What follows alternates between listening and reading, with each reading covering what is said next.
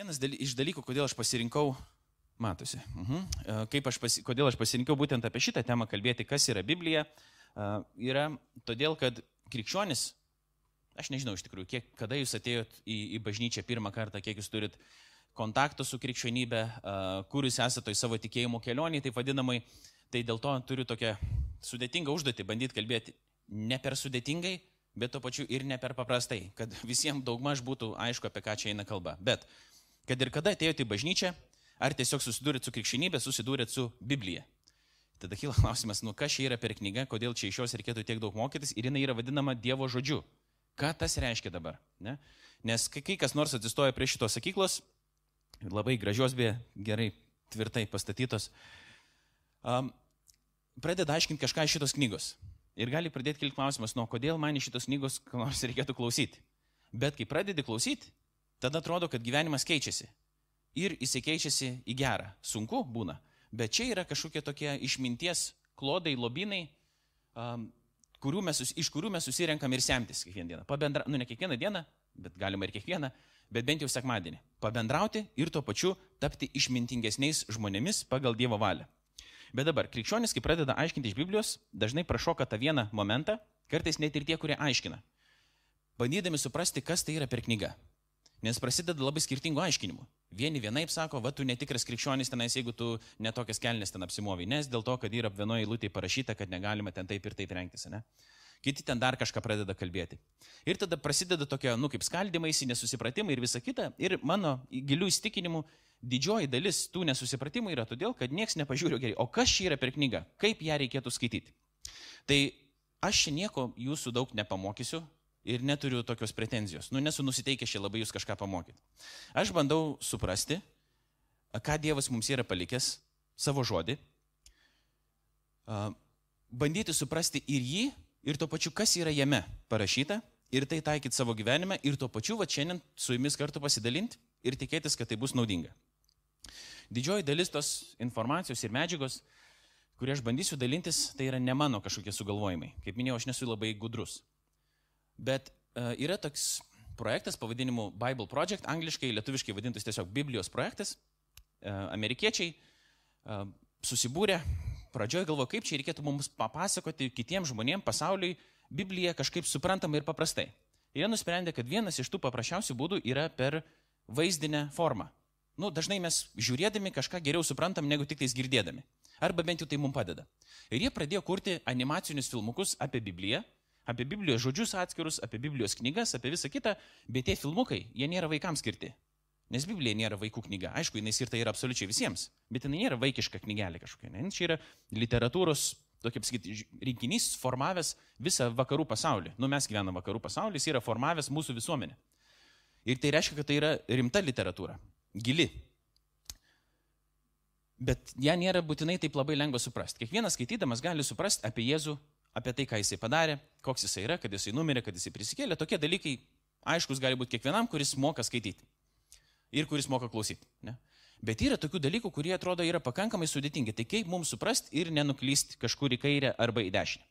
Tai tam reikia įdėti žingsnį vieną prieš, ne tik kas yra Biblijoje parašyta, bet kas tai yra per knygą ir kaip su ja reikia tvarkytis. Tai va, Tai aš remsiuosi to Bible Project, Biblijos projekto filmukais porą ir kai kurią jų medžiagą tam, kad būtų mums visiems galbūt paprasčiau suprasti, kas čia yra viduj. Tai pirmą, pradėsim nuo tokio filmuko, kelių minučių. Tikėsime, kad viskas tenais ir matysis, ne? Aš pabandysiu paspausti, gal man pavyks, jeigu ne, tai tada kolegos padės prie, prie, prie kompiuterio. Pažiūrėsim liet, su, su lietuvinta Biblijos projekto filmuką, beje, su liet, prie to su lietuvinimo tenka dirbti ir man. Dėl to aš kažkaip taip juos ir mėgstu, nes dirbu prie to, kad ta medžiaga iš anglų kalbos būtų pritaikyta mums ne tik kalbai, bet ir kultūrai. Tai bandom.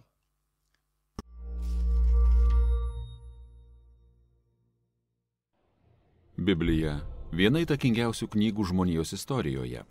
Ji nagrinėja didžiuosius egzistencinius gyvenimo klausimus.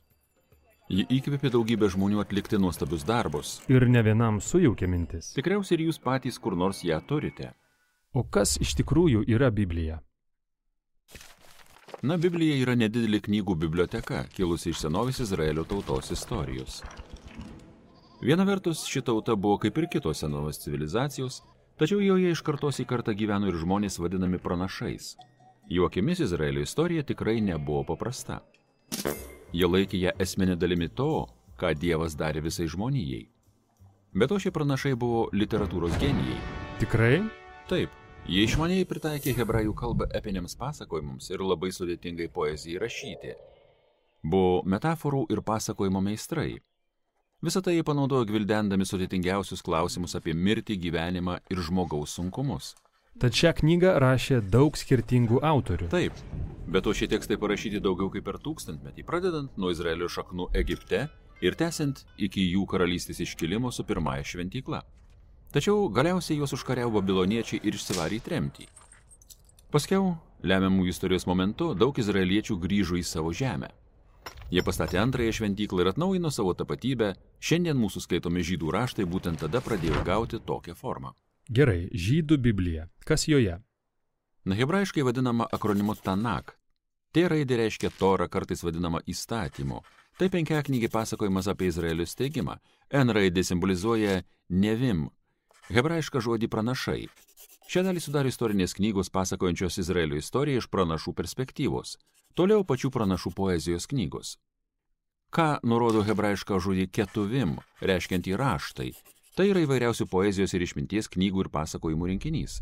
Žydai tiki, kad per visus šiuos literatūros veikalus Dievas kalba savo tautai. Tačiau yra ir kitų žydų raštų, kurie buvo sukurti irgi vadinamosios antrosios šventyklos laikotarpiu. Taip, tai įvairūs tekstai. Jos taip pat labai vertino žydų bendruomenės. Nuo seniausių laikų vyko diskusijos, ar tie tekstai ir kurie iš jų laikytini šventųjų žydų raštų dalimi. Taigi, daug skirtingų tekstų parašytų ilgų laikotarpių. Kodėl būtent taip juos sugrupavo? Na, visi kartu jie pateikia didingą pasakojimą, kaip Dievas veikia per šiuos žmonės, kad mūsų pasaulio chaosą paverstų į tvarką ir grožį. Visą tai pakursto viltį, kad ateis naujas vedlys, kuris atnaujins visą kūrinyje. Tačiau Tanak pasibaigia, o tas vedlys taip ir nepasirodo. Tai yra meistriškai parašytas darbas, kuriam trūksta pabaigos. Būtent taip. Vėliau, po kelių amžių pasirodo vienas žydų pranašas Jėzus iš Nazareto. Jis teigia tęsiantis Tanak pasakojimą. Jėzus padarė daug nuostabių dalykų ir buvo nužudytas. Bet jo sekėjai skelbė, kad jis sugrįžo gyvas iš numirusių. Taip, jie sakė, kad Jėzus yra tas ilgai lauktas vedlys, kuris atkurs pasaulį. Ankstyviausiai jo sekėjai vadinami apaštalais parašė naujų literatūrinių darbų pasakojančių apie Jėzų. Jie juos vadino gerąją naujieną arba Evangeliją. Taip pat užrašė ir pasakojimą vadinamą apaštalų darbais apie Jėzus judėjimo plitimą už Izraelio ribų. Dar jie siuntinėjo ir perdavinėjo laiškus įvairioms Jėzus bendruomenėms visame senovės pasaulyje. Ir šios literatūros veikalus laikė raštų dalimi. Taip, apaštalai visą tai parašė kaip to didingo Tanak randamo pasakojimo atskleidimą. Be to, jie tęsė genialią literatūrinę žydų tradiciją. Jie taip pat tikėjo, kad per jų raštus kartu su Izraelio šventaisiais raštais Dievas kalba savo žmonėms. Taip, tai Senasis ir Naujasis testamentai. Tačiau kaip ankstyvieji krikščionys vertino kitus antrosios šventyklos laikotarpio raštus? Na, skirtingos grupės laikėsi skirtingų nuomonių apie kai kurias iš tų knygų, bet mes žinome, kad jie skaitė ir vertino tuos tekstus, nes perdavė juos kitoms kartoms draugės su žydų raštais. Gerai, turime Tanak, šventuosius žydų raštus, taip pat antrosios šventyklos laikotarpio literatūrą ir apaštalų raštus apie Jėzų. Labai daug literatūros. Kas yra mano Biblijoje? Na, krikščionių judėjimas per 2000 metų įgavo skirtingas formas, bet nuo pat pradžių visi krikščionys pripažino Tanak ir Naująjį testamentą kaip šventąjį raštą. Be to, ilgą laiką daug antrosios šventyklos laikotarpio literatūros laikyta biblinės tradicijos dalimi. Galiausiai katalikų bažnyčia tai patvirtino oficialiai ir kai kurias šio rinkinio knygas pavadino deuterokanoninėmis arba antrojo kanono knygomis. Kai kurios ortodoksų bažnyčios priėmė dar daugiau knygų iš antrosios šventyklos laikotarpio literatūros, o XVI amžiuje reformacijos metu ir krikščionys protestantai norėjo sugrįžti prie tų pačių seniausių pranašų ir paštalų raštų, todėl pripažino tik senąjį ir naująjį testamentus. Gerai, manau, kad supratau. Bet kaip toks knygų rinkinys parašytas per tūkstantį metų daugelio skirtingų autorių gali pasakoti vieną darnį istoriją? Šį klausimą gvildensime jau kitame filmuke.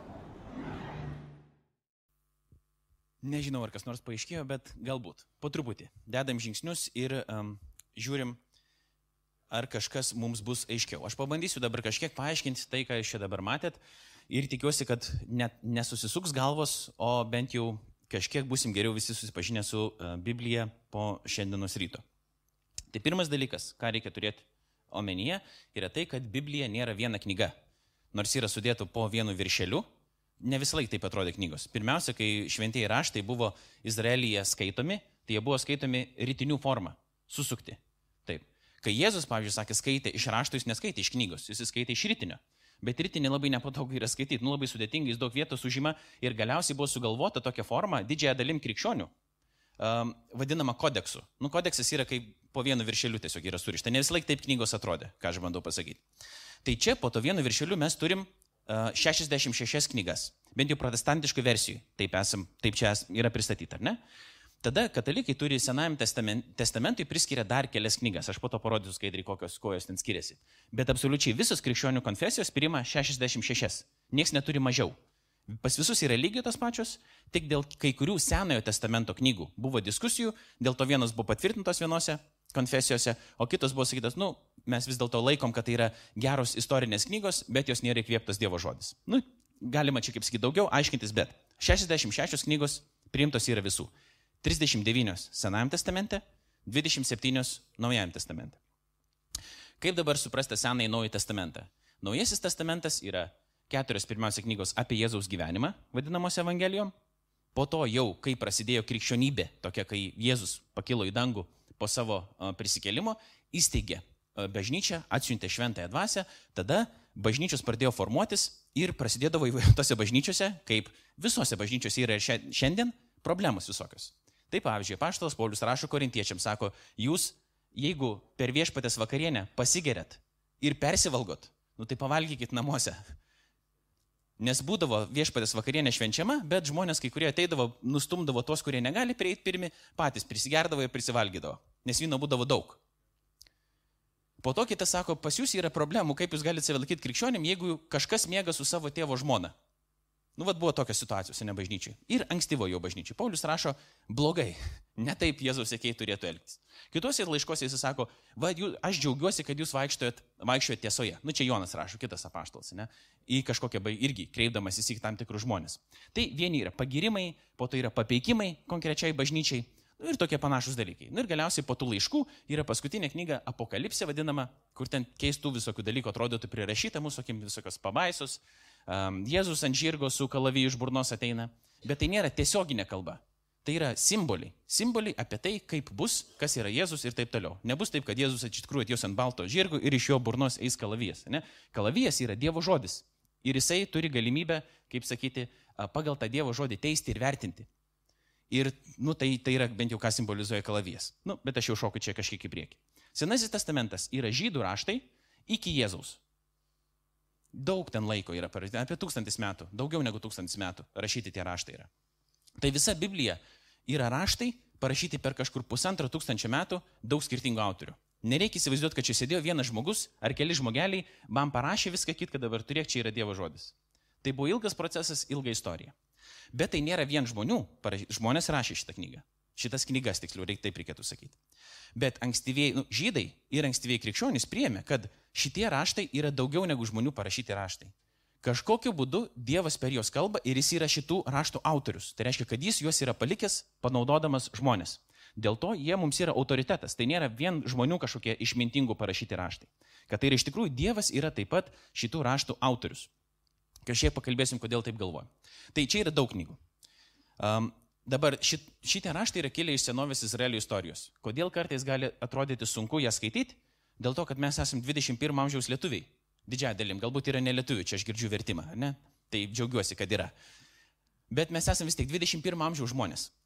Ir mes bandom skaityti raštus, kurie parašyti prieš daugiau nei prieš 2000, 3000 metų ir parašyti vidurinių rytų kultūrai. Artimųjų rytų kultūrai. Tai aišku sunku, nes mums reikia suprasti, o kaip tada buvo rašoma. Dėl to mes kiekvieną kartą renkamės, aiškinamės, skaitom. Viena vertus, kaip sakau, mes galim bet kas iš mūsų paėmęs, galim perskaityti ir kažką suprasti ir kažką iš to gauti. Bet ta, kad mes galėtum suprasti kažkokį gilį to, mes nuolat visą gyvenimą renkamės ir skaitom Bibliją. Nu, mano pažįstami pasakytų, nu vieną kartą perskaitai, kam tau reikia daugiau skaityti, nu viską žinai, kas tenais yra parašyta. Bet Biblija netokia yra knyga. Mes kalbėsim irgi apie tai, kokia tai yra knyga. Dabar kas yra įdomu. Biblijoje, kadangi tai yra daug skirtingų knygų, yra ir skirtingi žanrai. Kas yra dabar žanras? Pavyzdžiui, poezija yra žanras. Poezija gali būti eiliuota, gali būti neįliuota. Ne, bet tai yra poetinė kalba. Pavyzdžiui, kai mes skaitom salmėse, kad medžiai plos savo rankomis, arba upės plo savo rankomis, o ne išlovins Dievą, mes suprantam, kad tai yra poetinė kalba ir kad Biblija nesako, kad iš tikrųjų medžiai turi rankas ir jie ploja. Ne? Nes tai yra poezija. Tai yra tam tikras žanras, kurį reikia mokėti skaityti. Bet kai mes skaitom, pavyzdžiui, Evangeliją, kuri yra biografija Jėzaus. Kas yra biografija? Tai nupasakojama žmogaus gyvenimo. Ir yra parašyta, kad jisai prisikėlė kūną iš numirusių ir visiems atrodė keista. Tai mes suprantam, kad čia neperkeltinė prasme kalba. Kad čia nėra metafora. Kad iš tikrųjų istorijoje taip įvyko. Nes tai yra biografija. Tai nėra poezija kažkokia metaforinė kalba, ne? Tai remianti žanrų mes galim suprasti, ką biblinės knygos kalba. Dabar kas yra įdomu? Kad didžioji dalis Biblijos, spėkit, yra kas? Yra pasakojimas, naratyvas. Didžioji dalis Biblijos yra pasakojimas. Dabar kaip pasakojimas gali būti autoritetas, nes pasakojimas nėra kažkoks va tiesiog pamokymas. Nėra, nu, Biblijoje nėra surašyta vien tik tais taisyklių kažkokių. Didžioji dalis jos yra pasakojimas. Ir skaitydami pasakojimą mes iš jo turim suprasti, ką tas, ką tas pasakojimas kalba man ir ką tas pasakojimas kalba bažnyčiai. Ne? Nes tai nėra vien tiesiog, būtų labai paprasta. Dievas nusintė iš dangaus kažkokią knygą, bam, nukrito, darysi ir pada papunkčiui. 1737 punktai, kaip reikia elgtis kiekvienoje gyvenimo situacijoje. Bet taip neįmanoma yra padaryti. Nei Dievas pasirinko tokį būdą. Per pasakojimą, nes pasakojimai mumis veikia kaip žmonės. Jeigu aš vat, kažką mokau, mokau, mokau, mokau, retai kas ką nors atsimena. Bet jeigu papasakau kokią nors istoriją iš savo gyvenimo, kaip aš ten žaidžiau krepšinį, kaip man trauma atsitiko ir kaip aš atradau Dievą, tiksliau Dievas atrado mane, tada žmonės atsimena ir po to manęs neklausia kažkokių teologinių dalykų, sako, papasako, kaip ten buvo. Nes jie kažkaip juos taip nu, paveikė, ne? Tai didžioji dalis yra pasakojimas. Po to kitas didelis gabalas yra poezija. Nuo šiai lėrašių nedaug skaitau šiaip. Lietuviškų. Praktiškai neskaitau. Bet šiaip poeziją nuolat skaitau, dėl, kuri randama yra Biblijoje. Tai nebūtinai yra eiliuotos formos, bet, pavyzdžiui, psalmės yra poezija, nemažai patarlių yra poezija. Ir galiausiai jau tas paskutinis gabaliukas, mažiausias iš jų, yra vadinamas diskursu arba proziniu diskursu, tai reiškia tam tikras toks tekstas, kuris yra argumentuotas. Vat yra taip, taip, taip ir taip, jeigu darysi taip ir taip ir taip, bus taip ir taip ir taip, yra tokia ir tokia situacija ir štai kodėl taip nereikėtų elgtis, o taip reikėtų elgtis. Tai čia yra mažiausia dalis Biblijos. Tai laiškai, pavyzdžiui, yra prozinis diskursas. Bet tie laiškai irgi parašyti yra pirmiausia pirmom bendruomenėm krikščionių, bet tuo pačiu ir mums. Nu kaip čia dabar reikėtų pasakyti, jos yra parašytos ne mums, bet ir mums. Nes yra konkrečiai taikomos situacijos ir, nu kaip sakyti, tvarkomas su situacijom, kurios įvyko tada, Ir mes iš tų situacijų turim suprasti, o ką tai reiškia mums. Paskutinis dalykas iš čia yra tai, kad nesvarbu, ką žmogus galvoja apie Bibliją, jis gali būti netikintis, koks tik nori, bet ne, mes negalim išvengti to, kokią įtaką Biblija padarė pasauliui. Mūsų visa kultūra, Lietuvos kultūra, yra suformuota ir visa apskritai vakarų pasaulio kultūra yra suformuota uh, biblinio mąstymo, judėjų ir krikščionių mąstymo. Duosiu vieną pavyzdį. Visiems atrodo šiaip, kad reikėtų rūpintis, dabar taip sako, visiems atrodo, kad reikėtų rūpintis žmonėmis, pavyzdžiui, tie, kurie yra socialiniai atskirti. Nu, kažkas yra atsitikę, ne? Ar yra lygoti, ar neturi pinigų, ar yra dar kažkas atsitikę jiems, nu, tiesiog, ne? Bet ne visą laiką tai buvo. Romos imperijoje, jeigu nepatikdavo vaikas, kažkoks būdavo, galima jį nunešti į mišką, palikti ir niekas nieko dėl to nesakydavo. Tėvas buvo viso šeimos galva, buvo vergai, Vergus buvo galima su vergais kaip nori galėjo elgtis vergvaldys, jis nebuvo, nu, įstatymas nieko jam negalėjo padaryti. Tai kas pakeitė visą tą mąstymą? Pakeitė būtent biblinis mąstymas. Kodėl? Nes kny, pradžios knygoje yra parašyta taip, kad Dievas sukūrė žmogų, vyrą ir moterį sukūrė jis. Kad yra vyrai ir moteris, bet Dievas sukūrė žmogų pagal ką? Pagal savo atvaizdą. Ir todėl kiekvienas žmogus, kadangi jis yra sukurtas pagal Dievo atvaizdą, jis turi orumą. Mes negalim niekinti nei vieno, kuris yra, atrodo kitaip negu mes, kuris galvoja kitaip negu mes, kuris turi daugiau ar mažiau pinigų negu mes. Mes neturim teisės nei vieno niekinti dėl to, kad kiekvieną Dievas yra sukūręs pagal savo atvaizdą. Ir dėl to mes turim kiekvieną rūpintis. Toks yra pavedimas mums duotas. Apie tai mes skaitom pirmoji bažnyčia, ką darė, turėjo rūpintis našlėmis, našlaičiais, nes nebuvo socialinės apsaugos sistemos. Bam, iškrenti iš darbo arba vyras numiršta, kas tavim pasirūpins? Jeigu neturi, kas tavim pasirūpins, elgetauji, arba miršti. Tai bažnyčia buvo ta tokia struktūra, kuri sakė, ne, mes turim rūpintis vieni kitais. Ir po truputį, po truputį, po truputį aš studijavau socialinį darbą universitete.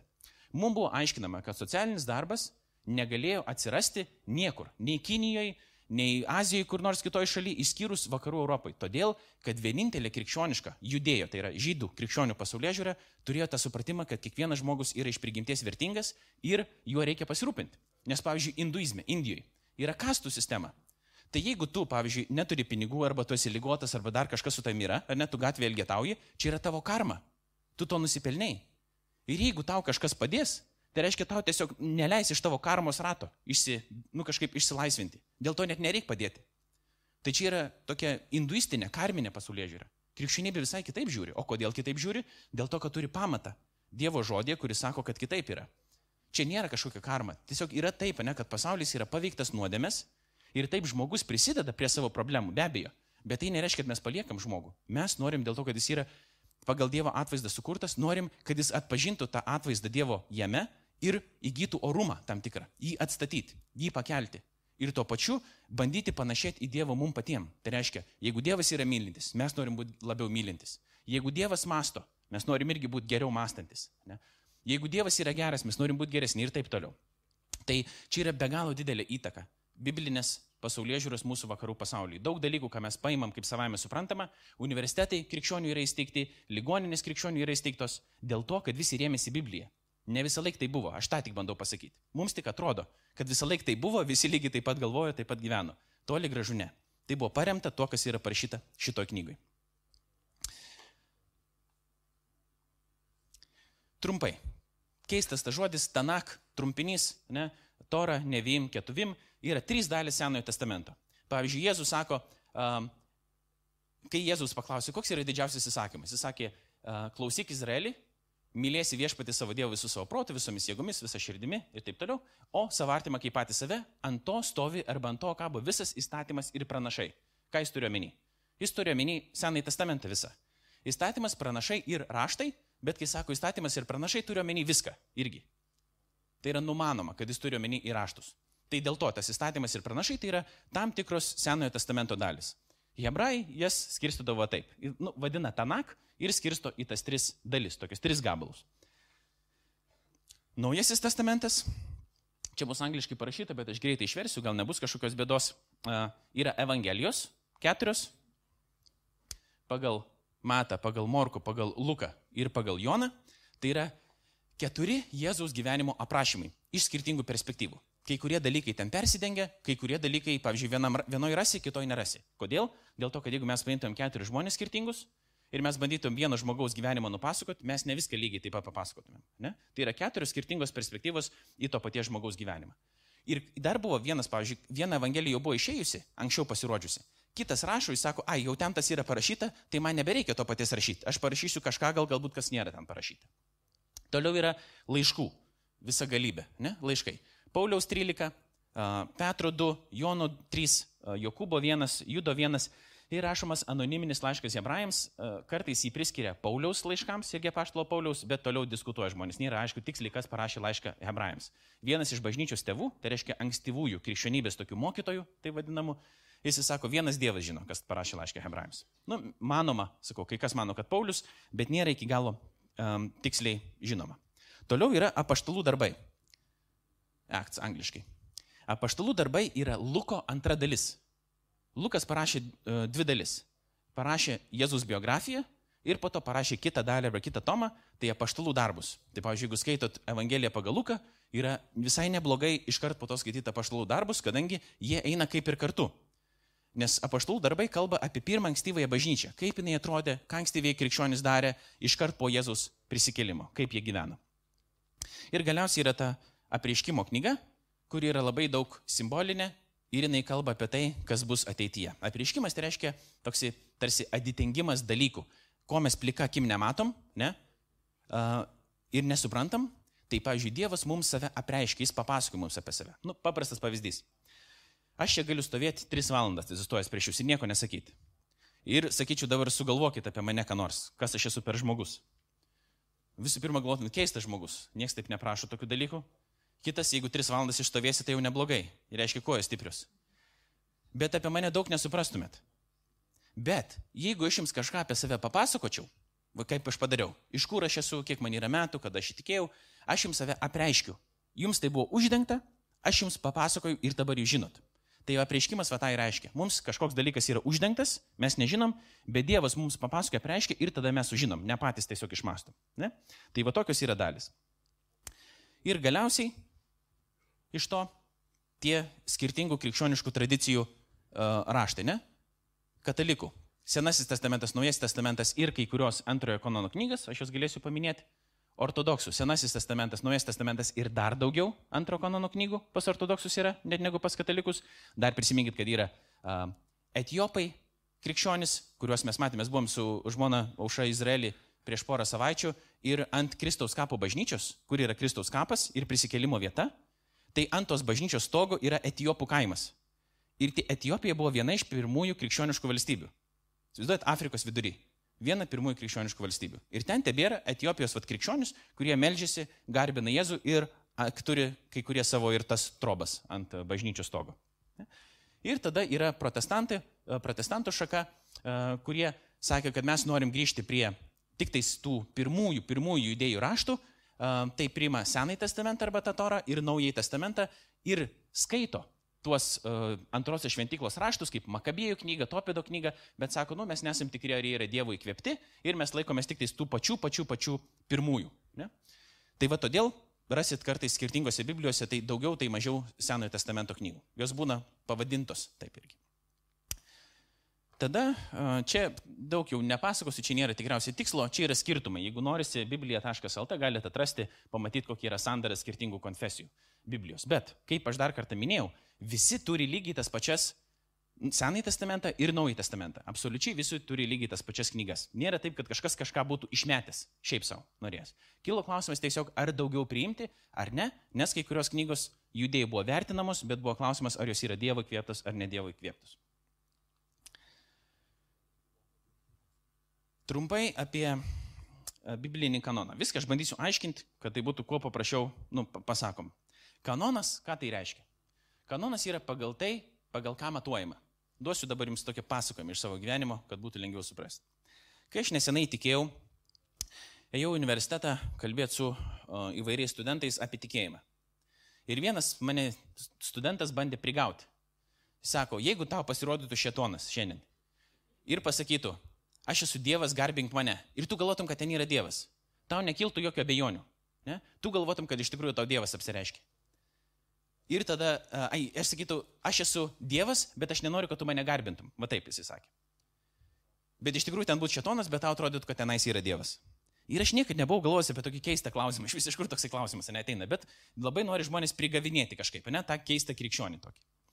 Ir kažkaip nežinau kodėl, man atėjo, aš manau, vis dar manau, kad geras atsakymas iki pat šiandienos dienos.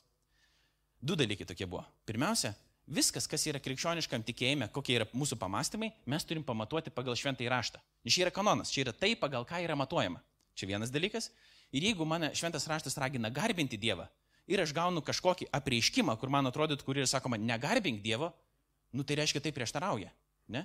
Ir mano tas apreiškimas, jis, nu, aš galiu suklysti, vertinamas. Gal čia privalgiau, nežinau, ko nors, gal užgėriau ko nors ir man susišvietė taip, ne, kad taip yra.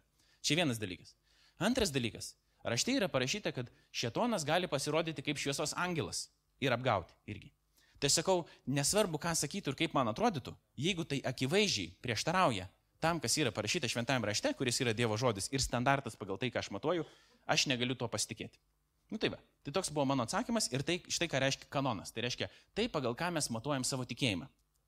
Dabar vėlgi, žmonės gali tada ateiti ir parodyti konkrečią Biblijos eilutę ir pasakyti, va ten, pavyzdžiui, moteris nesidažys tenais arba auskarų nesivers, bet bus pažįstamas pagal šią šventumą. Ir jeigu tu įsivėri auskarus, nu, kaip aš, kaip aš iš vis apie vyrus, kas yra padaryta, ne, pasakyta. Gal irgi aš esu netikintis kai kuriems, man irgi taip yra pasakę. Tu čia sėdi, po vienu iš vaizdo įrašų sėdi su savo tais auskarais, nieko čia iš, ne, neišmanai pasakoju. Nu ką auskarai prie mano išmanimo ar neišmanimo prideda.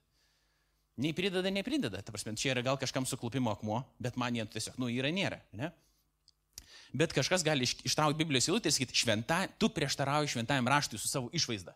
Kaip tu atrodai? Dar atras kokią nors eilutę, kad su spalvotais batais negalima vaikščioti. Tai ne visai taip viskas vyksta, ne? Yra dalykai, kurie yra sudėtingiau suprantami ir kai šventasis raštas kažką sako, pavyzdžiui, čia gali būti hiperbolizacija. Sakom tai, kad nu, turėkite omeny, kad jeigu norit, atro, vien galvojat, kad jeigu gražiai atrodysit, Dievui patiksit. Nu tai čia ne ta esmė. Dievui patiksit pagal savo šventumą, o ne pagal savo atrodymą. Bet jeigu nori jau atrodyti, nu kaip atrodyti, viskas gerai, mes skirtingi esame. Vienas mėgstinį apsimaus, kitas kitokį apsimaus mėgstinį, kitas su marškiniais vaikščios. Net, net tam esmė visiškai tikėjimo. Net tam mūsų išorinė išvaizda, ne? Bet jeigu kažkas akivaizdžiai prieštarauja šventajam raštui, tai tada jau yra problema. Dabar čia būtų labai sudėtinga, galbūt aiškinti iš tų visų dalykų dabar neaiškinsiu, vieną tik tais dalyką truputį užsiminsiu. Kodėl mes turim būtent šitas knygas, o ne kažkokias kitokias, kurios yra dabar dėtos į šventąjį raštą? Nes kiti sako, va, yra atrasta nauja Tomo Evangelija, kurią krikščionis paslėpė, o ten yra parašyta, pavyzdžiui, kad Jėzus turėjo žmoną ir todėl visi jums melavo. Ir tada atsiranda tai laikraščių puslapiuose didžiausias ir per visą pasaulį nueina. Ir dažniausiai situacija yra tokia, kad visi jau senai tai žino ir visiškai netaip yra. Bet kadangi žurnalistika mėgsta sensacijas ir niekas ten, kaip sakyti, neieško kaip krikščionybė patvirtinti, bet ieško kaip tik tais ją paneigti, nu tai tada tai atsiranda žurnalų puslapiuose. Ne? O jeigu koks nors atranda archeologinį atradimą apie tai, kuris patvirtina Bibliją, nu tai tada tyliai šitas dalykas praeina. Tai dabar, kodėl mes turim šitas knygas, o ne, kurias, o ne kitas? Yra tiksliai sunku pasakyti, bet yra keturi kriterijai, tai yra ke, keturi, keturios vertinimo priemonės, kodėl būtent šitos, o ne kitos knygos. Tai pirma, ta knyga yra parašyta, čia apie Naująjį Testamentą kalbant, ne apie Senąjį Testamentą jau. Nes Senąjį Testamento visą tą, kaip sakyti, raštus patvirtina jau Jėzus autoritetas. Jis, jis kalba apie raštus, tai jeigu mes tikim Jėzumi, mes tikim to, ką jis pasakė apie senovės raštus. Tai dėl to čia labai daug diskusijos mums nereikia, bent jau krikščionims galime ten aišku aiškintis apie tai, bet mes tikim senaisiais raštais Izraelio dėl to, kad Jėzus juos laikė Dievo įkvėptais, autoritetingais. Naujasis testamentas, tos 27 knygos. Tai pirmas kriterijus. Jeigu parašyta apaštalo, apaštalas kas yra? Tas, kuris matė prisikėlusi Jėzų. Ne visi kartu su Jėzum vaikščiojo iš apaštalų, ne visi įsekė, bet visi matė jį prisikėlusi. Paulius, pavyzdžiui, nebuvo Jėzus mokinys, kuris parašė labai daug laiškų, jis buvo krikščionių persekiotojas, jis pirmą norėjo nužudyti krikščionis. Ir jis ėjo į Damaską suiminėti krikščionių, ėjo iš Izraelio į dabartinę Siriją suiminėti krikščionių, jis laikė drabužius, kai buvo užmuštas pirmasis krikščionių kankinys, Stepanas vardu buvo, buvo užmėtytas akmenim, Paulius palaikė drabužius tų, kurie užmėtė į akmenim. Ir tada jis ėjo į tą Damaską ir jiem apsireiškė prisikėlęs Jėzus, pasirodė ir sakė, kad kodėl tu mane persiukėjai. Nu, ir jiem to užteko ir jisai pradėjo sekti Jėzumi. Ir tada nu, grįžo atgal, jis ten kurį laiką buvo fiziškai paliegęs, negalėjo matyti, po, po kurio laiko jis pradėjo matyti. Ir tada jis grįžo pas krikščionis ir krikščionis visi žinojo apie tą ir kad toks yra Paulius, Saulis jo toks vardas buvo tada, kuris persikė krikščionis. Ir kai kurie iš jų sakė, ne, ne, ne, žiūrėk, jisai bando pas mumis infiltruotis, įlysti vidų ir mumis nu, kažką mums blogą padaryti. Tai kai kurie nenorėjo jo. Kol atsirado tokių, kur sakė, ne, ne, žiūrėk, atrodo, kad jisai, nu viskas su juo yra gerai, iš tikrųjų atrodo atsivertė, iš tikrųjų dabar krikščionių patapo, jis tapo vienu iš, iš įtakingiausių krikščionių. Tai jisai buvo irgi paštalas, nors Jėzum niekada nesekė, jis nebuvo Jėzaus mokinys toks, bet jis sustiko Jėzų prisikėlusi. Po to dar vienas apaštalas buvo atrinktas, kai Judas uh, išdavė Jėzų ir nusižudė Tai va, tai apaštalai yra tokia nedidelė grupė Jėzaus mokinių, arba tie, kurie juos sekė visą laiką, arba bent jau tie, kurie matė jį prisikėlusi. Apaštalas reiškia siūstasis. Tai turi būti parašyti tie raštai arba, nu, turi būti apaštalo arba artimo bendradarbio. Kitas dalykas - ortodoksija, man antras žodis. Šiandien apie rusų ar Konstantinopolio ortodoksus kalba, ne apie ortodoksiją, reiškia tikras tikėjimas. Tai reiškia, kad e, tie raštai, kuriuos mes turime Biblijoje, turi atitikti tikrą Jėzaus gyvenimą ir mokymą. Jeigu ten pradeda rašyti kažkokias keistenybės, ir dažniausiai tai būna vėlai, pavyzdžiui, antram amžiui jau, prasideda tokios keisti pasakojimai apie Jėzų, kad jam, kai buvo 12 metų, jis padarė molinius paukščiukus, į juos įputė gyvybė, tie moliniai paukščiukai nuskrido kažkur, yra toks pasakojimas vienoje iš tų vėlesnių evangelijų. Po to yra toks pasakojimas, kad Jėzus sunervavo toks vienas berniukas, jis jam sudžiovino ranką. Vėliau irgi vėlesnis yra toks pasakojimas. Tai mes suprantam, kad žiūrėkit, tas pasakojimas, kuris yra vėlesnis, jau čia yra problema, jisai netitinka to, ką, nu, koks buvo Jėzus ir kas apie jį buvo pasakojama iš pirmųjų lūpų. Tai reiškia, kad čia tikėtina yra kažkoks prigalvojimas. Ne? Kuo vėliau, tai tuo yra tikėtina, kad bus mažiau tikslu. Ir jeigu tai nebetitinka, nu, įsivaizduokit, yra šeima, kuri pasakoja apie žmogų kažkokius dalykus. Ne? Tada ateina žmogus, kuris galbūt to žmogaus net nepažįsta, internete matęs ir pradeda visai ką kitą pasakoti. Tai sakysit, nu to žmogaus liūdėjimas jis netikras yra. Nesąmonė. Jis nei pažįsta, nei jis žino. Tai mes pasitikim tais, kurie buvo ankstyvesni, kurie pažįsta, kurie skelbė tiesą apie Jėzų. Kitas dalykas, tie raštai, jie turi būti aktualūs bažnyčiai. Tai reiškia, kai tie raštai buvo skaitomi, visų pirma, tai dabar daugelis iš jūsų galit, jeigu ne tai popierinė forma, tai bent jau telefone turėti Bibliją savo. Telefonė Bibliją galima turėti, nu kas, kada čia prasidėjo tas reikalas, prieš kokį 15 metų, prieš 10 metų, aš tiksliai net neatsimenu kada. Ne? Bet pirmą Bibliją lietuvių kalba visa pasirodė iš vis tik tais 18 amžiui. 19 atsiprašau amžiui. 19 amžiui, 19 amžius vėliau. 20 amžiui tik tais jau pradėjo plisti tos, tos Biblijos. Po to sovietmetis buvo irgi net krikščioniško tikėjimo toks suspaudimas. Bet Biblija visa į lietuvių kalbą buvo pakankamai vėlai išversta. 16 amžiui protestantai vertė, nes protestantams vis laik buvo svarbus Dievo žodis, dėl to daugiausiai protestantai užsėmė Biblijos vertimu. Katalikai irgi tą darė, tik tais kiek vėliau ir kiek mažiau. Bet tie leidimai, nu, pirmiausia, Biblija nebuvo išleista, buvo išversta, bet nebuvo išleista. Tai ką aš bandau pasakyti? Kad didžiąją dalį laiko vienintelis būdas, kaip tu galėjai išgirsti šventosius raštus skaitomus, tai yra ateiti susirinkimą, kai tau kas nors juos paskaitys. Nes tu pats negali jų turėti. Praktiškai neįmanoma būdavo. Labai brangu, tų knygų nėra daug, vertimai irgi dar nėra išversti, ne visi moka tas kitas kalbas, tai mes gyvenam tokiu, nu, unikaliu, išskirtiniu laiku, kurio negyveno krikščionybė prieš tai. Tai kodėl čia dabar tas aktualumas svarbus? Tai reiškia, kai susirenka bažnyčia, susirenka bendruomenė, kažkas ateina, pasim, praima tos raštus skaityti, tie raštai turi kalbėti bendruomeniai, turi būti aktualūs, turi kažkaip adresuoti bažnyčios problemas, žmonių savijautą, ryšį su Dievu ir visus kitus dalykus. Ne? Tai tas aktualumas buvo vienas iš tų kitų kriterijų. Ir paskutinis kriterijus buvo tai, kad žmonės atpažino tos nu, raštus, per kuriuos Dievas kalba ir tada tie raštai, kuriuos mes turim čia, jie plačiai paplito. Ir kai kurie nepaplito plačiai, dėl to, kad jų, jų autoritetas nebuvo atpažįstamas. Tai reiškia keturi tokie kriterijai. Apaštalas arba bendradarbis parašė, tikras mokymas apie Jėzų, aktualus bažnyčiai ir tada plačiai paplitęs. Ir va čia tokius raštus mes turim po, šit, po šitais viršeliais. Vėlgi, trum, trumpa schemutė galbūt padės mums irgi šiek tiek labiau susigaudyti. Gal man į šitą pusę reikia. Šitam pirmam burbuliukė, pačiam centre, yra tos knygos, dėl kurių niekada nebuvo diskusijų. Ar jos yra šventieji raštai, ar jos nėra šventieji raštai. Niekas dėl jų niekada nediskutavo rimtai. Visą laiką jos buvo priimtos. Kur yra geltonasis ratas, čia jau užsibaigė mūsų naujasis testamentas, bet kai, dėl kai kurių tų knygų vyko šiek tiek diskusijų. Jų nebuvo labai daug, bet kažkiek diskusijų buvo. Turėtų būti, neturėtų būti šitam kanone. Bet galiausiai buvo sutarta, kad ne, vis dėlto tai yra Dievo įkvėpti raštai. Dėl šitų knygų buvo, jie niekada ir nepapuolė į Naująjį testamentą, ten Barnabo laiškas, Didache, pažiūrėjau, Didache labai įdomus yra dokumentas.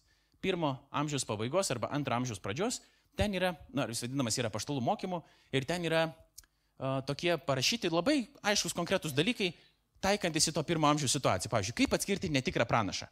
Tai nėra Dievo įkvėptas dokumentas, kai kurie dėl to, sakau, diskutavo, bet Biblijoje yra parašyta, atskirkite netikrus pranašus. Tada Didache, bet ten nėra parašyta, kaip atskirti netikrą pranašą. Iki galo, ne, kai kokiu turim užuomenų. Didache rašo taip. Jeigu pas jumis atkeliauja pranašas, tas, kuris kelbėsi pranašu, ir pabūna negu, daugiau negu tris dienas, jis yra netikras pranašas. Reiškia, kažko iš jūsų nori. Arba jeigu jis sako jums, uh, padenkit man stalą pirmiausia, tai jis irgi yra netikras pranašas. Nu, turi, kitaip tariant, jeigu siekia savo naudos ir akivaizdžiai matosi, kad savo naudos siekia, jis prisistato pranašu ir, pavyzdžiui, sėdi pas tave tenais, nu, belė kiek laiko nieko nedaro ir tik prašo, kad tu jį maitintum, arba sako, patiesk man stalą ir nesirūpina kitais, reiškia jau kažkokia yra problemėlė. Ne? Atrodytų logiški pamastymai. Mes nelaikom jo Dievo įkvėptais, bet Tai yra tai, ką pirmieji krikščionys va, tiesiog tokius raštus įleido, ir sakė, va taip, kaip daug maž reikėtų suprasti. Apie krikštą tenais yra rašoma, kokie krikšto metodai turėtų būti naudojami. Jeigu yra tekantis vanduo parašyta, geriau tekantis vanduo. Jeigu nėra tekančių, tada galima kitaip krikštyti. Nu, va tokie dalykai, ne? Po to, aišku, viduramžiais iškilo klausimai, jeigu iš vis vandens nėra, ar galima krikštyti alumi. Nu, tai ir žmonės sprendė tokius klausimus, ne? Tai va, bet šitos knygos, jos tiesiog, nu, buvo, kaip sakyti, E, kai kurie siūlė, sakė, galbūt tai būtų tie šventieji raštai, bet e, dauguma nu, sakė, kad ne, vis dėlto nieks jų nepripažino, kaip iš tikrųjų tais raštus, per kuriuos kalba Dievas, bet juos galima ir verta paskaityti. Ne? O šitų, vad kai dabar, kurie patenka į televiziją, Marijos Evangelija, Petro Evangelija, ten Egiptiečio Evangelija, kurie sako, va čia nauji dokumentai, kurių niekas nežinojo ir dabar bažnyčia juos atmetė. Neįdėjo, tiksliau, jie buvo Biblijoje, bet po to juos išmetė ir paslėpė, Vatikane kažkur pakišo po grindim. Niekada taip nebuvo. Krikščionys žinojo šitos raštus, bet jis sako, nu čia yra prigalvojimai kažkokie. Jie yra vėlesni, jie netitinka mūsų tikėjimo iki galo, kažko ten gal galima rasti įdomaus, nu bet jie niekada nebuvo Biblijoje, nieks jų neišmetė. Niekada jie net nebuvo svarstomi, kad jie ten turėtų būti. Dėl to, kad jie netitiko nei vieno kriterijaus. Judam po truputį į pabaigą. Gerai.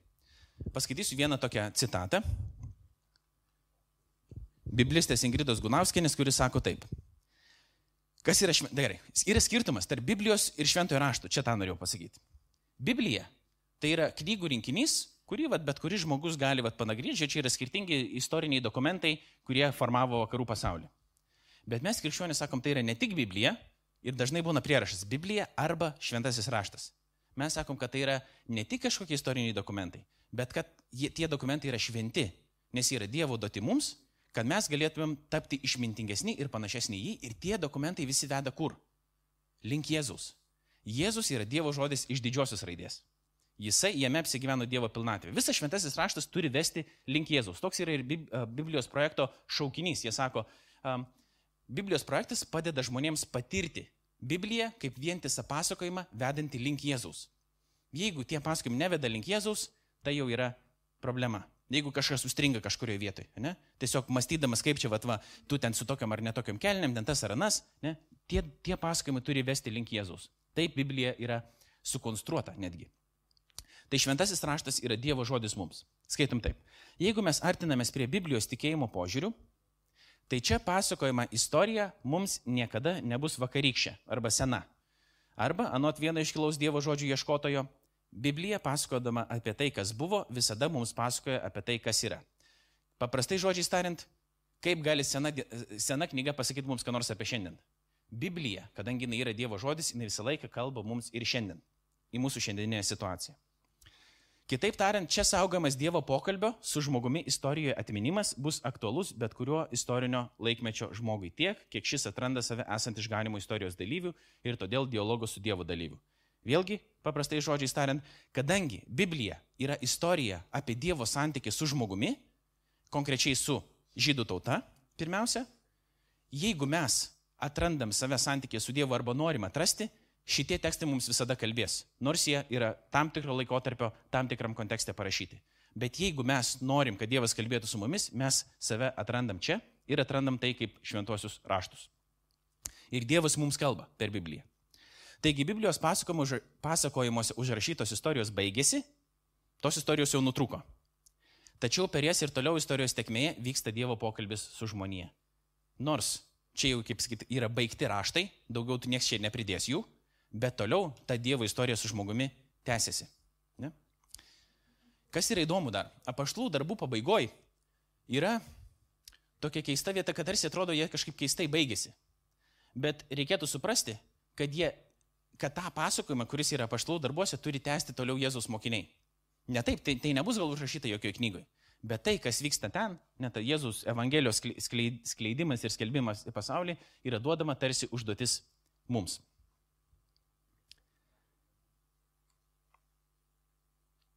Čia nepasakosiu daug, tikriausiai nėra tikslo, pasakysiu, jau kažkiek užsiminiau apie tai Bibliją Lietuvoje, kad uh, gerai, Biblija, pirmosios Biblijos uh, vietos ar dalis ar pasakojimai tikriausiai atėjo į Lietuvą 14 amžiuje, kai į Lietuvą buvo pradėta krikštyti. Nu yra neįmanoma, kad krikščionybė būtų skelbiama be Biblijos tiesų, kažkokiu būdu. Po to Martinas Mažvidas, protestantas, kuris 16 amžiuje išleido savo pirmą knygą, ten buvo irgi Biblijos citatų įvairių. Tai nebuvo dar pirma Biblija, bet jau buvo tam tikri išversti tekstai į lietuvių kalbą, taip jau žmonės galėjo su Biblija šiek tiek susipažinti. Po to jau minėjau, buvo vertimai daugiausiai protestantų daromi, tada ir katalikai darė tos vertimus, kol galiausiai daugiausiai tai, ko mes vadovaujamės, tais Biblijos vertimais, pavyzdžiui, yra e, tikėjimo žodžio buvęs tas e, leidimas e, Biblijos ir tada ekumeninis yra leidimas, tos yra populiariausias Biblijos, Biblijos vertimai šiandien Lietuvoje, ne, jie yra vadinkim taip, nu, daugiausiai 20 amžiaus įtakoj padaryti. Šiandien mes juos turim. Dabar yra naujų, pavyzdžiui, vertimų išleista, net šių metų yra leidimas. Morkaus ir Mato Evangelijos. Biblijos draugija yra išleidus naujus vertimus. Biblija ta pati, bet mūsų kalba keičiasi, mes atrandam naujų dokumentų, kur gal vieną žodį kitaip reikėtų išversti. Pavyzdžiui, Galilėjos jūra tam naujam vertime yra verčiama kaip Marios, nebe jūra, todėl kad ten iš tikrųjų ežeras yra. Nu ir mums, kai mes įsivaizduojam jūrą, tai mes įsivaizduojam, nu kaip jūra, ten nežinau, į vandenyną įteka. O na iš tikrųjų yra nu, mažesnė negu tai. Nu, Teberiados ežeras, Galilės jūra ar Marius. Nu, tiesiog va tokie skirtumai, ten nėra kažkokie kosminiai tie skirtumai. Ir dabar jau visiškai užbaigiant, parodysiu, nu, gerai, jeigu mes turim Bibliją, klausimas yra, ką ta Biblija kalba. Ir mes galim atsiversti skirtingas vietas, pažiūrėti skirtingas eilutės, paimti ten dvi, kaip pamokslininkai mėgsta, ir aiškinti iš tų dvi, dviejų eilučių dvi valandas. Ne? Arba ir taip, ir taip galima daryti. Bet taip pat, kas yra įdomu su Biblija, nors tai yra per pusantro tūkstančio metų parašytas um, literatūros rinkinys skirtingų autorių, jis turi vieną temą ir vieną liniją. Tai yra paliudijimas, kad vis, vis dėlto kažkas su ta knyga yra ypatinga. Nu kaip taip yra įmanoma, kad viskas būtų taip vientisa? Pasakojimas yra vientisas. Tai dabar koks yra tas Biblijos pasakojimas? Visa Biblija, kaip tas raštų rinkinys, turi bendrą tokią arką, nu tokį pasakojimą, kuris visą jį apriepia. Tai čia pažiūrėsim trumpą filmuką ir tuo jau užbaigsim, kas yra tas Biblijos pasakojimas ir kaip konkrečiai jisai veda prie Jėzaus.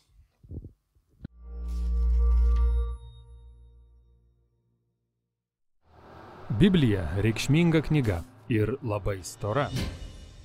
Taip, tiksliau tai daugybės knygų rinkinys. Jis parašytas per ilgą laiką, tačiau visos kartu perteikia vieną darnų pasakojimą. Koks tas Biblijos pasakojimas? Na pačioje pradžioje mums pristatomas nuostabus protas, visos realybės autorius, būtybė vadinama Dievu.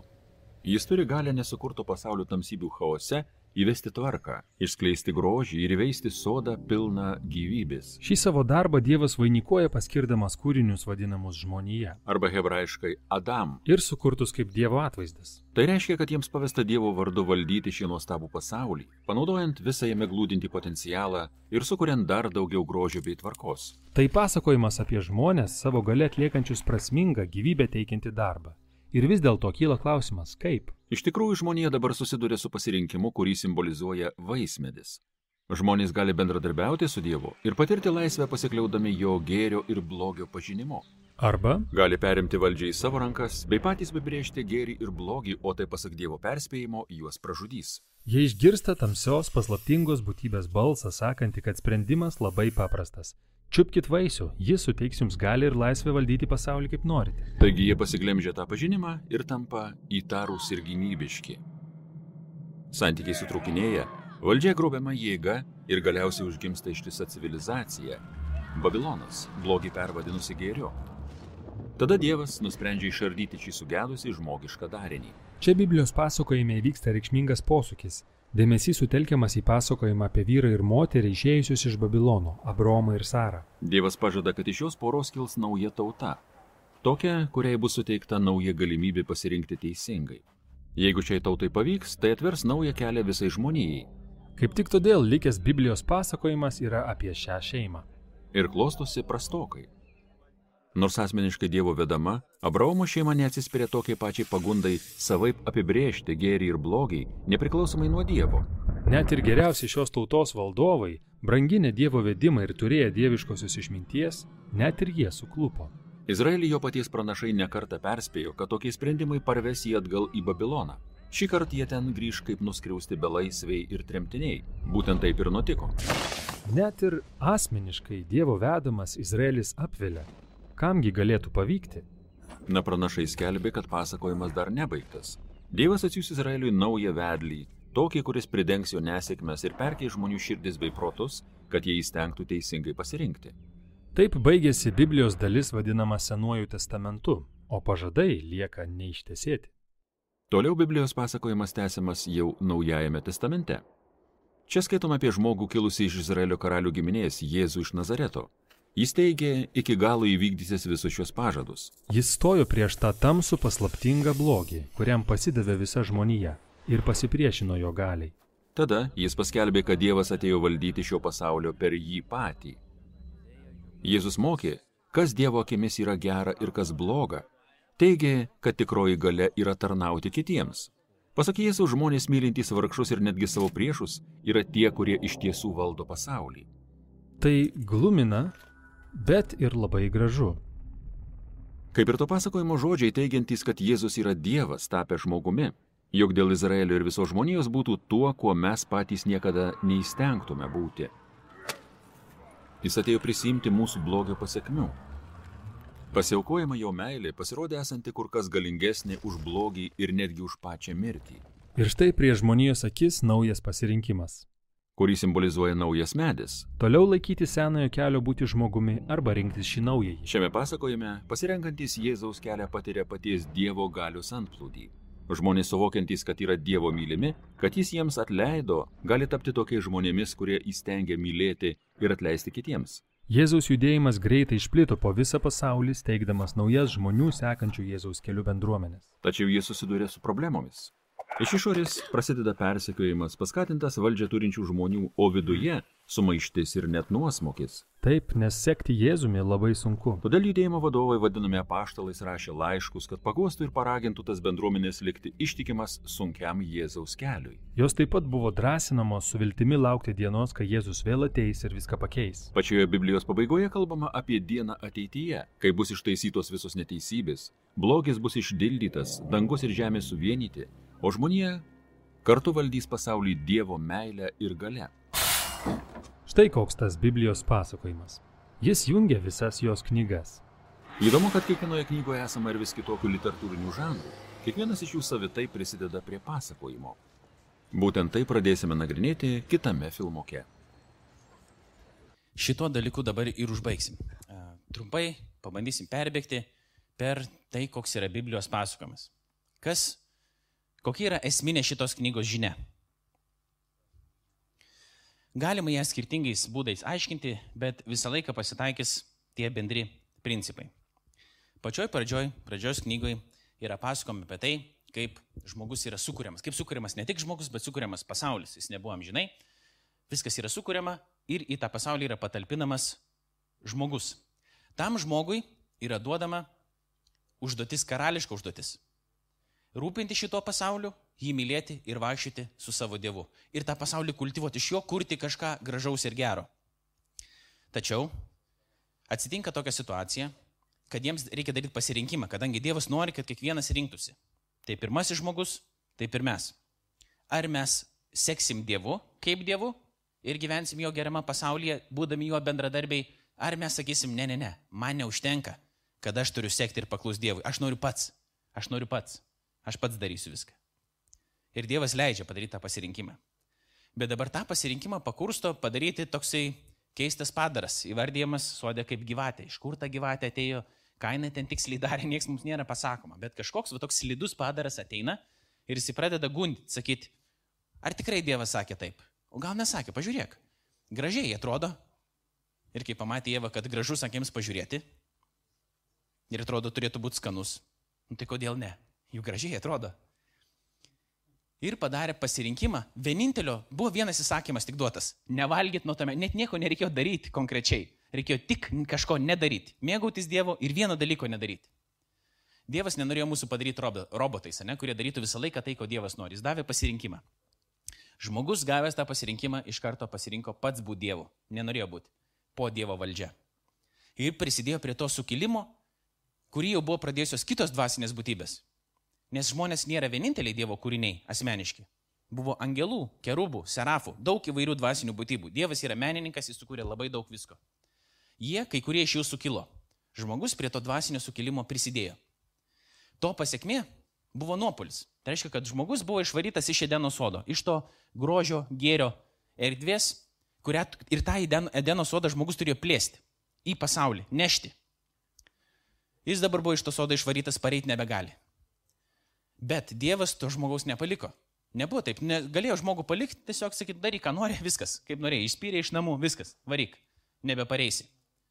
Bet kadangi Dievas žmogų mylėjo ir tebe myli, jisai jo ieškojo ir norėjo vis dėlto tą savo planą pirminį palaiminti pasaulį per žmogų, tą patį toliau ir padaryti. Jis tada išsirinko vieną šeimą, Abraomo šeimą sakė, per tave mes pradėsim šitą projektą iš naujo. Pirmas projektas nepavyko, bet aš žinau, kad nepavyks, Dievui tai nėra staigmena, mes toliau tą projektą tęsim. Jisai vis tiek galiausiai pavyks. Abromas tada davo, gavo užduotį irgi sugribavo. Padarė nesąmonių, ten susilaukė, dėl to, kad negalėjo susilaukti vaiko, po to jie susilaukė to vaiko per a, vergę vieną, a, nes nepasitikėjo Dievo pažadu ir taip toliau. Nu, vien žodžiu vėl. Padarė pasirinkimą nepasitikėti Dievu, nes atrodė per daug sudėtinga. Dievas sakė, aš toliau vis tiek tos dalykus sutvarkysiu. Jis padarė su Abromu sandorą. Sandora yra panašu kaip į santoką. Tai nėra kontraktas, nu, susitarimas, kur pasirašot sutartį ir kas nors gali ją sulaužyti. Sandora yra nenutraukiama sutartis. Santoka turi panašiai va tą kažką tokio atspindėti. Ir Dievas įsipareigoja šitai sandorai, net neprašydamas Abromo įsipareigoti šitai sandorai, kas yra labai įdomu. Ne? Nes žinojo, kad Abromas vis tiek ją, nu, kaip sakyt, sugrybaus. Jis žmogaus prašo įsipareigotai sandorai, bet žmogus visą laiką ją sulaužo. Dievas niekada tos sandoros nesulaužo, bet žmogus tai padaro nuolat. Po Abromo ateina kiti. Buvo ir Davidas, ir Saliamonas, ir mes skaitom, pasakom Sename testamente, vis skaitom tą patį. Atsiranda kažkas naujas, kur jau atrodo, o, Davidas, super karalius. Gal jis bus tas, per kurį va Dievas įgyvenins tą savo projektą. Tada Davidas eina savo rūmose, pamato nuogą moterį besimaudančią ant stogo, besipraušiant ant plokščiasogio, nu, netokie stogai kaip kuršienusi ten buvo, ne, ten būtų labai sudėtinga stovėti ant to stogo praustis, bet plokšti stogai buvo. Jis pamato ir kaip karalius žino, kad tą moterį gali turėti. Jisai užsako to, e, tos moters vyro žmogžudystę, iš principo, nu, kaip sakyti, jis išleidžia į, į, į pirmas eilės jį kariauti kare, kad jisai numirtų. Ir tada jis, jisai vėl taip sugrybauja. Jisai padaro, jis pamatom, kad jisai, nors atrodo koks super karalius, jisai nesugeba būti tuo, per kurį ateis tas palaiminimas. Tada Saliamonas, jo sunus. Jisai irgi atrodo išmintingas žmogus, kai duoda jam vieną pasirinkimą, Dievas, ko tu nori, jis sako, aš noriu išminties, nesupranta, kad jis yra kaip vaikas, nesugebantis įvertinti to, kas yra gera ir kas yra bloga. O, atrodo gerai, žiūrėk, jis daro priešingai negu Domas ir Jėva. Jie pasielgia kaip vaikai, patys norėdami vertinti, kas yra gera ir bloga, o Saliamas daro priešingai. Sako, aš esu vaikas, dėl to tu man duok išminties. Nu ir galiausiai jisai veda daug kitą taučių moterų, kurios garbina kitus dievus ir pats pradeda tos kitus dievus garbinti. O kitų dievų garbinimas Senam testamente yra prilyginamas ištvirkavimui. Ozėjo knyga apie tai kalba nuolat.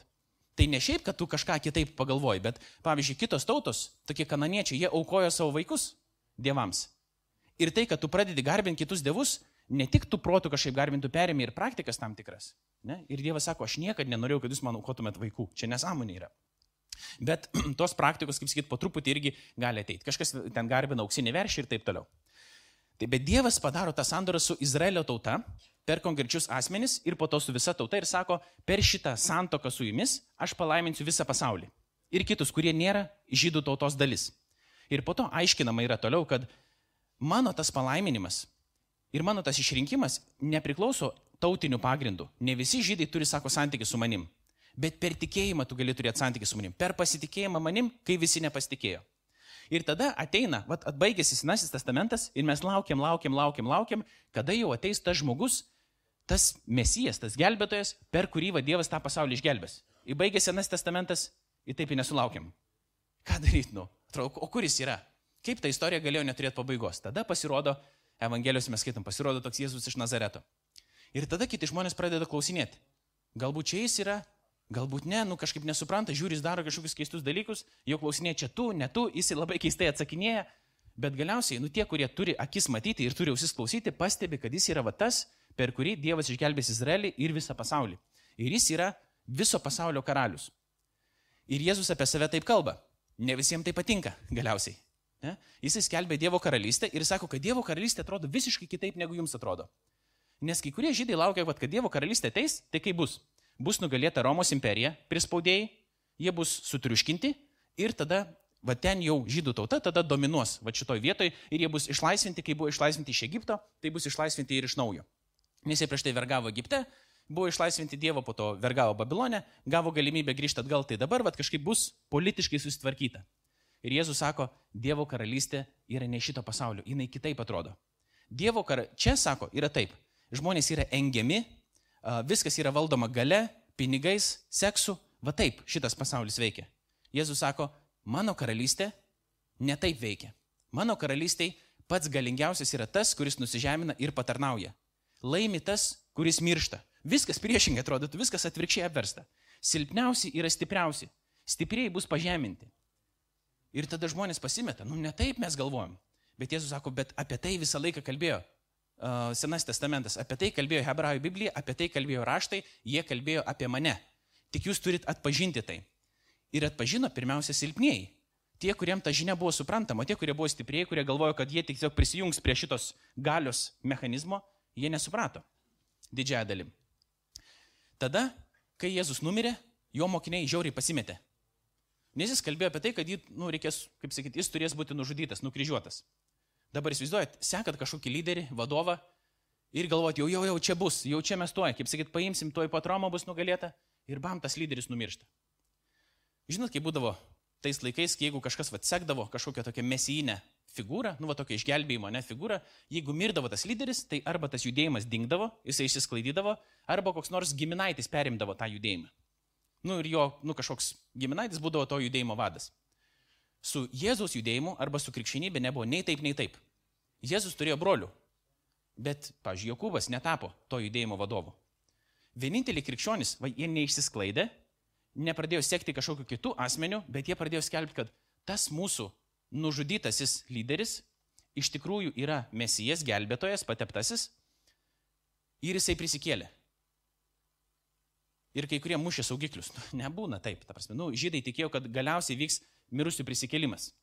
Vėliau, kažkada, pasaulio, kaip sakyt, pabaigoje vyks tas mirusių prisikėlimas. Ir toliau tik ir krikščionis to pačiu tiki, kad dar bus tas mirusių prisikėlimas visų. Bet kad vienas žmogus prisikels kažkada, nu va taip istorija, paims ir prisikels, nu nebuvo taip manoma, tikima.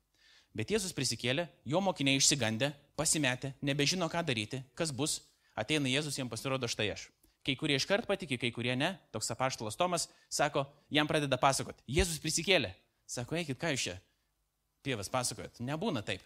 Kol neįkišiu piršto, sako, jo žaizdas, tol aš nepatikėsiu. Jėzus ateina į namus, kur susirinkę mokiniai, sako, prašau, jeigu nori Tomai, pasitikrink. Tada Tomas krenta ant žemės ir sako, mano viešpats ir mano Dievas.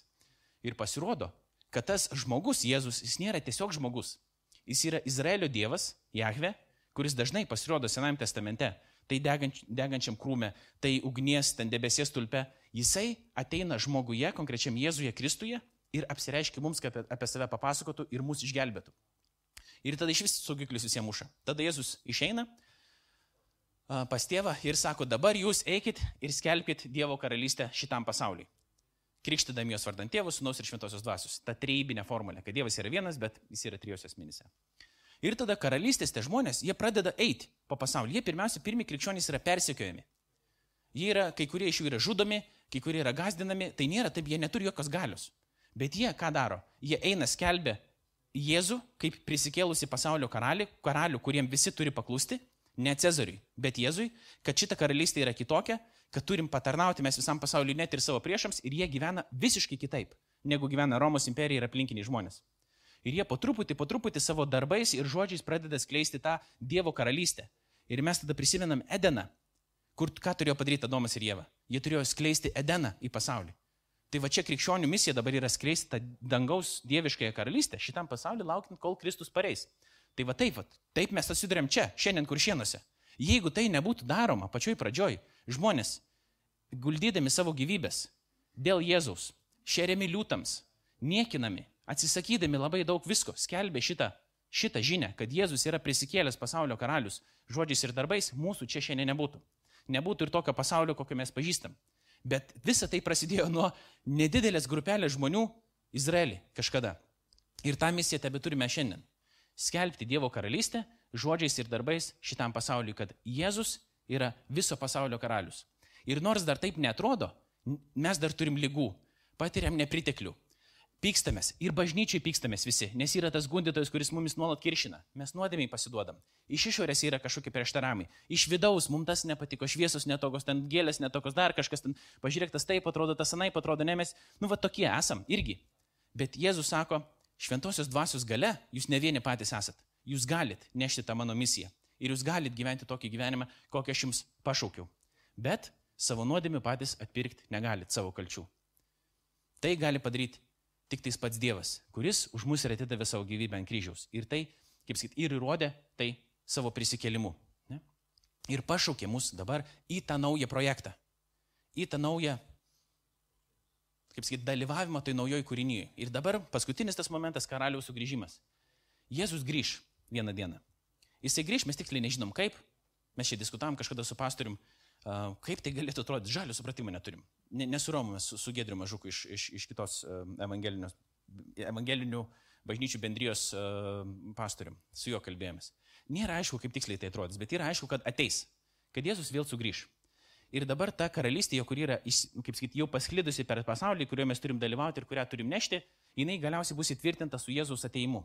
Ir mes turim būti pasiruošę. Dėl to visi tie naujo testamento pasakojimai tai, kad žiūrėkit, kad jums žybalo užtektų. Žiūrėk, ar beras žmogaus sunus grįžęs į šitą žemę, tikėjimą, visą kitą. Mes dabar turim laukti to karaliaus, kuris pareina. Ir gyventi tarsi Jėzus yra viso šito pasaulius, pasaulio karalius, o ne, ne, ne, ne pinigai, ne seksas, ne nausėda, ne dar kas tik tais norite, ne, ne Europos Sąjunga, ne Amerika, ne Rusija, ta prasme, Jėzus yra viso pasaulio karalius. Ir kol mes taip gyvenam, mes gyvenam kaip ir geri piliečiai, ir geri draugai, ir geri kaimynai, bet tuo pačiu turėdami tvirtą stuburą. Kada ne? Kas yra gerai, tas yra gerai, kas yra blogai, tas yra blogai, nes Jėzus yra viso ko karalius ir mes negalim, sakyt, pasiduoti irgi tam spaudimui ir toliau skelbti, kad žmonės turi būti išlaisvinti iš nuodėmių, ne, iš mirties nagų, iš šėtonų nagų ir laukiant, kol Jėzus sugrįž.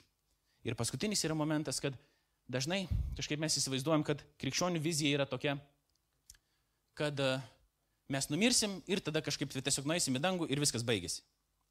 Kas yra įdomiausia, kad tai yra tik labai nedidelė dalis to, apie ką kalba šventasis raštas. Nes apie tą tarpinį buvį, kai numirsi ir tavo nu, kaip tu savo dvasia, savo sielą būsi su Jėzumi Kristumi, apie tai yra pasakyta. Bet tai nėra pabaiga. Pabaiga yra kūno iš numirusių prisikėlimas, kai Dievas nušluostys kiekvieną ašarą, kai visos lygos bus atstatytos, kai bus žmonės sutaikyti, kai bus taika, kai bus ramybė, kai bus džiaugsmas, visi šitie dalykai bus galiausiai. Ir tai nebus kažkoks ten sėdėjimas tiesiog ant debesies kažkur, bet ta naujoji Jeruzalė, jinai pareina čia, jinai nusileis čia kartu. Ir Paulius sako, man būtų Geriau dabar išeiti ir būti su Jėzum jau dabar, bet dar geriau yra va, tai būti naujai kūriniai kartu su Jėzum. Tai va, į tokią viziją mes esame pašaukti, apie tai kalba šventasis raštas, tokia yra ta Biblija, apie kurią, apie kurią mes kalbam, bet jinai visa veda link Jėzaus, kuris yra miręs už mūsų nuodėmės ir už viso pasaulio nuodėmės, bet tuo pačiu ir prisikėlęs karalius. Ir mes laukiam jo sugrįžimo ir šiandien mums yra duota užduotis gyventi kaip tos karalystės žmonėm, nors mes nematom dar tos karalystės plika akim bet mes gyvenam tikėjimu, pasitikėjimu, kad iš tikrųjų Jėzus vis dėlto yra viso ko karalius. Ačiū tau viešpati už tai, ką tu mums esi paskyręs, kokią tu mums esi viziją davęs, kokį tu mums esi džiaugsmą suteikęs. Šlovinam, šlovinam tave Kristau už tai, kad tu pasirinkai mirti už mūsų nuodėmės, kad tu prisikėliai, kad tu pakvietei mus į savo karalystės darbą. Dėkuoju tau, kad tu atsinti mūsų šventąją dvasę, šventoje dvasėje, dėkuoju tau, kad tu mus pripildai ir ragini mus, pakeli mus nešti tą Dievo karalystės evangeliją į pasaulį. Mes nieko negalim be tavęs padaryti, be tavęs mes esam sudžiūvę, vargani, paliegę, pavargę, bet dėkojam tau viešpate, kad tu apsigyveni mumise ir tu darai tą darbą per mus. Tau visą šlovė ir garbė per amžius viešpate. Jėzus vardu. Amen.